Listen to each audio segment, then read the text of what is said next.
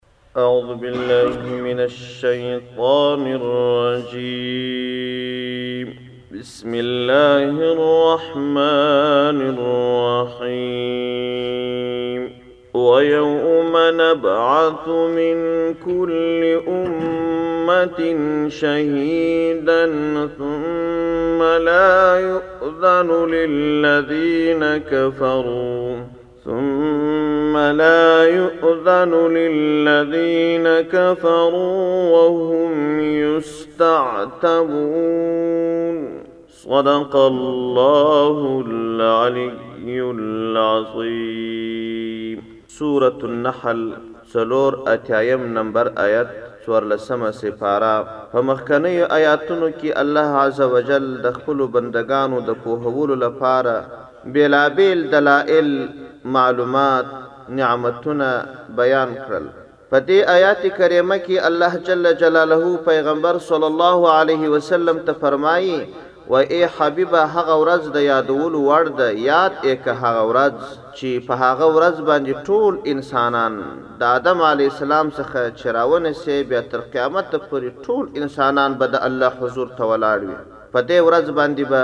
د الله نېک بندګان هم ولاړ وي، انبياء، اولياء، صالحين، ګمراهان، کفار، ښه او بد ټول انسانان به د الله حضور ته ولاړ وي نو انسانان به درې ډلې يي، يوه ډله به بې حسابه جنت ته ځي، دا هغه کسان دي چې هيڅ ګناه نه لري. لکه انبياء، اولياء او د دوی خاص تابعين، يوه ډله به هغه وي چې بې حسابه به جهنم ته ځي هغه کافران دي چا چې ايمان نه يي تېر کړي او دريمه ډله بيا هغه کسان دي چې هم ئې نېک اعمال کړي دي او هم ئې بد اعمال کړي دي نو حساب به ورسره کېږي. خو تر دې تګ مخکې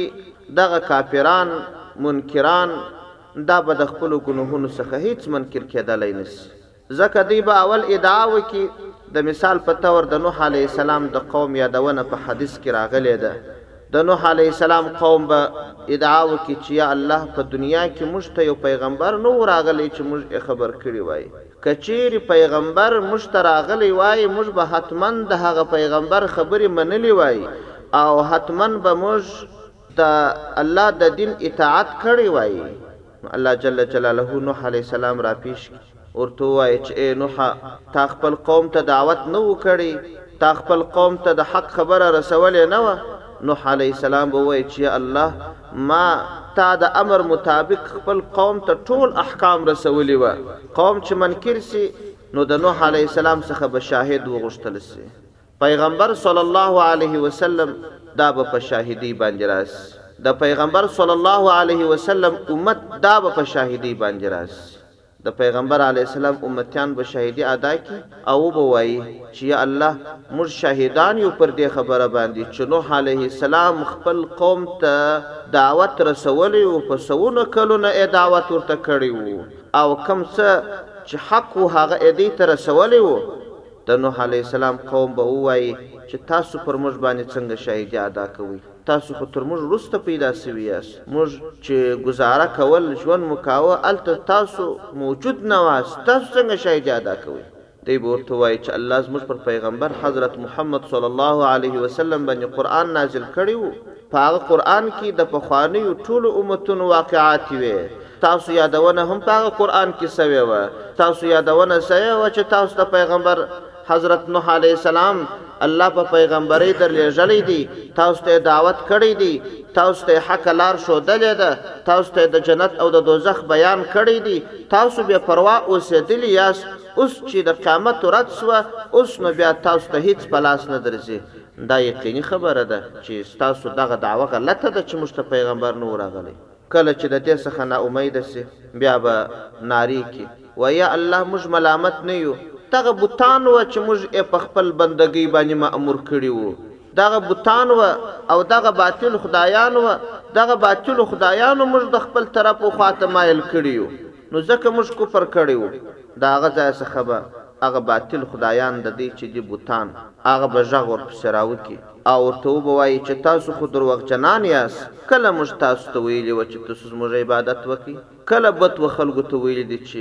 راسه ماته سجده ولګوه کله لمر ورته ویلي دي کله اور ورته ویلي دي کله بل معبود چې دوی ئې بولي هغه ورته ویلي دي چې خدای پرېږده راسه ماته سجده وکړه دا چا ورته ویلي دي. تاسو دروغجنان یاست، درواغ وایاست، شیطان پر دې لاره باندې رامات کړي یاست، د دې خوا څخه به هم ناامیده شي، بیا به الله ته زارۍ شروع کړي چې یا الله زموږ توبه ده، یا الله دا کفر مو کړی دی، داغ دلالت مو کړی دی، بیا یې نه کوو، ته موږ وازمویه،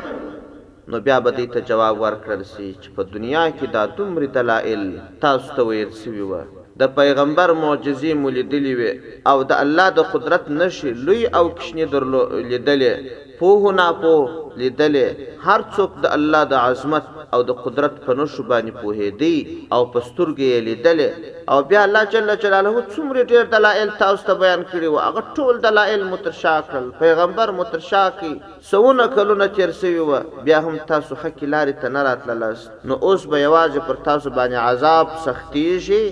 اساني به نه وي، د خلاصون لاره نشته، بیا الله جل جلاله په دې آیاتو کې دا پیغام هم ورکوي وایي دغه ورځ راتلونکې ده دا ټول معلومات دې خلکو ته سته بیا هم دا خلک توبه نه باسي دا تعجب خبره نه ده بله خبره دا ورته کوي چې وایي په دغه ورځ باندې د قیامت به دغه کفارو بدبختو خلکو و بعضو ته به دوه چنده سزا ورکول شي بعضې هغه کسان دي چې هغه کافران دي او د نورو کسانو د کافر کولو او د ګمراه کولو لپاره هم کوشش کوي. دې ته به دوه چنده سزا ورکول شي. الله قادر دی چې هر څومره سزا سختول وغواړي پر خلکو باندې یې سختولی شي، خو اعاذنا الله په الله پناه غواړو هغه ډېر سختي دي، ډېر تکلیفونه دي، د انسان د توان څخه د هغو سختیو، تکالیفو ګالل دا وتل دي، وتلي دي، دا نه شي برداشتولای، د دغسې تکالیفو برداشت د انسان د طاقته وتلی کار دی، هغه دومره سختۍ دي. نه تنها چې یوازې اور دی، بلکې هغه اور د ډېره زحمته تک تور ګرځېدلی دی. یو روایت کې راځي چې کله الله جل جلاله د جهنم اور پیدا کړي، نو اول وارې دا اور سپین و، نو بیا دغه اور باندې زر کاله اور ولګېدی د دې لپاره چې ښه سخت شي. دا اور چې پر یو ځای څومرې ډېر لګېږي، په هغه اندازه یې سختي ډېرېږي. که په یوه خونه کې ژمی وي، یخ وي، بخارۍ پکښې بله شي، نو نیم ساعت دا کوټه نه تودېږي. کله چې یو ساعت بله شي، بیا دا کوټه توده شي او که ټوله شپه توده شي، نو اخر د خلکو ګرمي وشي او که چېرې نور اور پسې ولګول شي، خلک په عذابوي. بیا. دا د دې خبرې څرګندونه کوي چې پر یو ځای باندې اور څومرې ډېر بلېږي، په هغه اندازه باندې یې حرارت ډېرېږي. زر کاله پر جهنم باندې اور بل شو. دا اور د زرو کالو څخه وروسته تک سور وګرځېدی، بیا پر دې اور باندې زر کاله نور اور ولګېدی، د ډېره زحمته څخه اخیر دا اور تک تور شو، یعنې د زرونو کالو په نتیجه کې دا اور تک تور ګرځېدلی دی، د ډېره زحمته څخه، داسې اور نه دی لکه د دنیا اور. رنګ ئې بدل دی او هغه داسې اور نه دی لکه د دنیا چې یو انسان سوځي بلکې د جهنم اور دومرې سخت دی که چیرې د جهنم څخه یو جهنمي د دنیا اور ته راوستل شي د دنیا په اور کې به خوب وکړي دومرې به ورته هوسا وي هغه دومرې سخت دی. او بله خبره دا ده چې په جهنم کې دا د انسان وجود چې جهنم ته لوېږي دا به پر دې قد و قامت نه وي، بلکې دا د انسان قد و قامت به الله په خپل قدرت باندې دومرې ډېر غټ کړي چې دا هر انسان به په کیلومترونو غټ وي، دونه غټ غټ به وي، ورنونه بې غټ وي، لاسونه بې غټ وي، د اوږو په احادیثو کې اندازې ښودل شوي دي. اوږده اوږده جسدونه به ځینې جوړ شي د دې لپاره چې دا عذاب پر ده باندې ډېر سخت شي. یو لاس به یې دومره غټ وي لکه درست انسان او سر به دغومره غټ وي، د ویوې اوږې او د بل اوږې په مابینځ کې به په لسګونه متره اوږدوالی وي، دغونه به یې غټ کړي او بیا چې کله دا اور خوله ورباندې ولګوي دا پوست ئې وسوځي دستي به یو دم بل پوست ورباندې پیدا شي، یعنې د دې لپاره نه دی دا اور چې یو سړی وسوځي مړ ئې کړي، مرګ نشته. دغسې سختۍ او تکاليف موجود دي په قيامت کې او تر دې لا هم الله عزوجل عذاب سختوي تر هغه يې هم سختوي هغه حقيقت حال د دې اور دا تعبيرېدلای نه شي په صحيح ډول باندې ځکه هغه داسې سختۍ دي داسې تکليفونه دي که چېرې الله جل جلاله انسانانو ته طاقت ورکړي چې هغه په صحيح ډول تعبير کړي د خلکو به فقط په دې بيان باندې زارې وچوي. دومره سختې دي د الله په دې کې حکمت دی. هغه د جهنم هغه حقیقي سختۍ څومره سختۍ دي او څومره تکلیفونه دي خلک یې نه شي تعبیرولای، نه علما تعبیرولای شي، نه محققین مدققین، نه اولیا تعبیرولای شي، که و کولای هم شي نه بیانوي، که یې بیان کړي د خلکو به زارې وچوي د ډېره وهمه څخه. دا چې سختۍ او تکلیفونه دي نو الله جل جلاله په دنیا کې چې دا دومرې دلائل او دا دومرې نعمتونه هره ورځ، هر ساعت، هره ثانیه، هر کال، هره میاشت تا او الله یې بیانوي نو دا چې تکلیفونه دي دا تکلیفونه یې پر تا نه دي پېرزو ته د الله بنده یې د الله مخلوق یې د الله در سره محبت دی لکه ستا سره چې مور و پلار محبت لري تر هغه په سوونه واره زیات الله ستا سره محبت لري. پلار چې تا يو خوا ته ليږي څومري وصيتونه درته وکي پام زويه دا کار ونه کي او د داسي خلګو سره معامله ونه کي او داسي ځای ونه وسيږه د دغسي شرو څخه ځان ساته مختلف اړخونه تا ته بيان وکي چې تا د تکاليفو وساتي نو دغه قرآن د الله د لوري څخه دغسي تا ته هدايت دي او درته فرمايي وايي دغسي سختي راځي د دې سختيو څخه ځان وساته د دغه سختي يې پر تا نه دي پيرزو. الله جل جلاله ئې بیان کړي، نو دا یوازې د هغه زمانې کفارو ته نه، دا ما او تا ته هم پند دی، چې موږ هم د دغه ورځې او د دغه سختیو څخه پند واخلو او خپله لاره سیده کړو، د الله قانون ومنو. ویوم نبعث من کل امة شهیدا، او یاد کړه یوم هغه ورځ، ای حبیبه، نبعث چې موږ راولېږو. راپورته کړو، راوپاڅوو، من کل امة، د هر یو امت څخه، شهیدا، یو شاهد. هغه پیغمبر، ای شاهد سي چې او زه راغلی وم، دوی ته مې دعوت وچلاوئ، دوی کفر وکړ. ثم وروسته، لا یؤذن للذین کفروا، بیا به اجازه ورنه کړل شي هغه کسانو ته چې کافران دي. ثم وروسته لا يؤذنو اجازه به ور نه کړل سي للذين هغه کسانو ته کفرو چي دوی کافران دي ولا نه دي هم دوی يستعتبون چي توبه دي وباسي واذا راء الذين ظلمو خو اذا هغه وخت راء الذين راء چي وويني الذين هغه کسان ظلمو چي ظلم ئې کړی وو العذاب عذاب وویني عذاب ورته راسي فلا یخفف پس سپک به نه سي عنهم ددوی څخه دا عذاب به ورځني سپک نه سي ولا نه به وي هم دوی ینظرون چي ورته ودي کتل سي هیڅ التفات به نه ورته کیږي څه خبره به یې نه اوریدل کیږي هیڅ به یې عذاب نه سپکیږي. و اذا هغه وخت رآ چې وویني الذین هغه کسان اشرکو چې شریکان ئې نیولي دي په دنیا کې شرکاءهم شریکان خپل وویني هغه بتان هغه دوی د دوی معبودان چې دوی په دنیا کې جوړ کړي وه چې کله هغه وویني قالو دوی ووایي ربنا ای رب زموږ هؤلاء دغه چې دي شرکاؤنا شریکان زموږ دي الذین هغه شریکان دي کنا چې موږ وو ندعو چې موږ به بلل من دونک ما سوا ستا څخه. یا الله دا هغه کسان دي چې موږ ستا بغیر د دوی دین قبل کړی وو، د دوی عبادت مو پر ځان منلی وو او موږ ئې ستایش کاوه، دوی چې کله دا خبره وکړي نو امید ئې دا وي چې ګوا موږ خطا وتلي یو، نو خو دوی ملامت دي ولې موږ په ځان پسې کړي یو، ناببره به هغه ږغ ورپسې وکړي. هغه بتانو ته به هم الله طاقت د خبرو ورکړي، نور معبودان چې دوی جوړ کړي وه هغه به هم موجود وي طاقت د خبرو به الله ورکړي، فألقوا الیهم القول،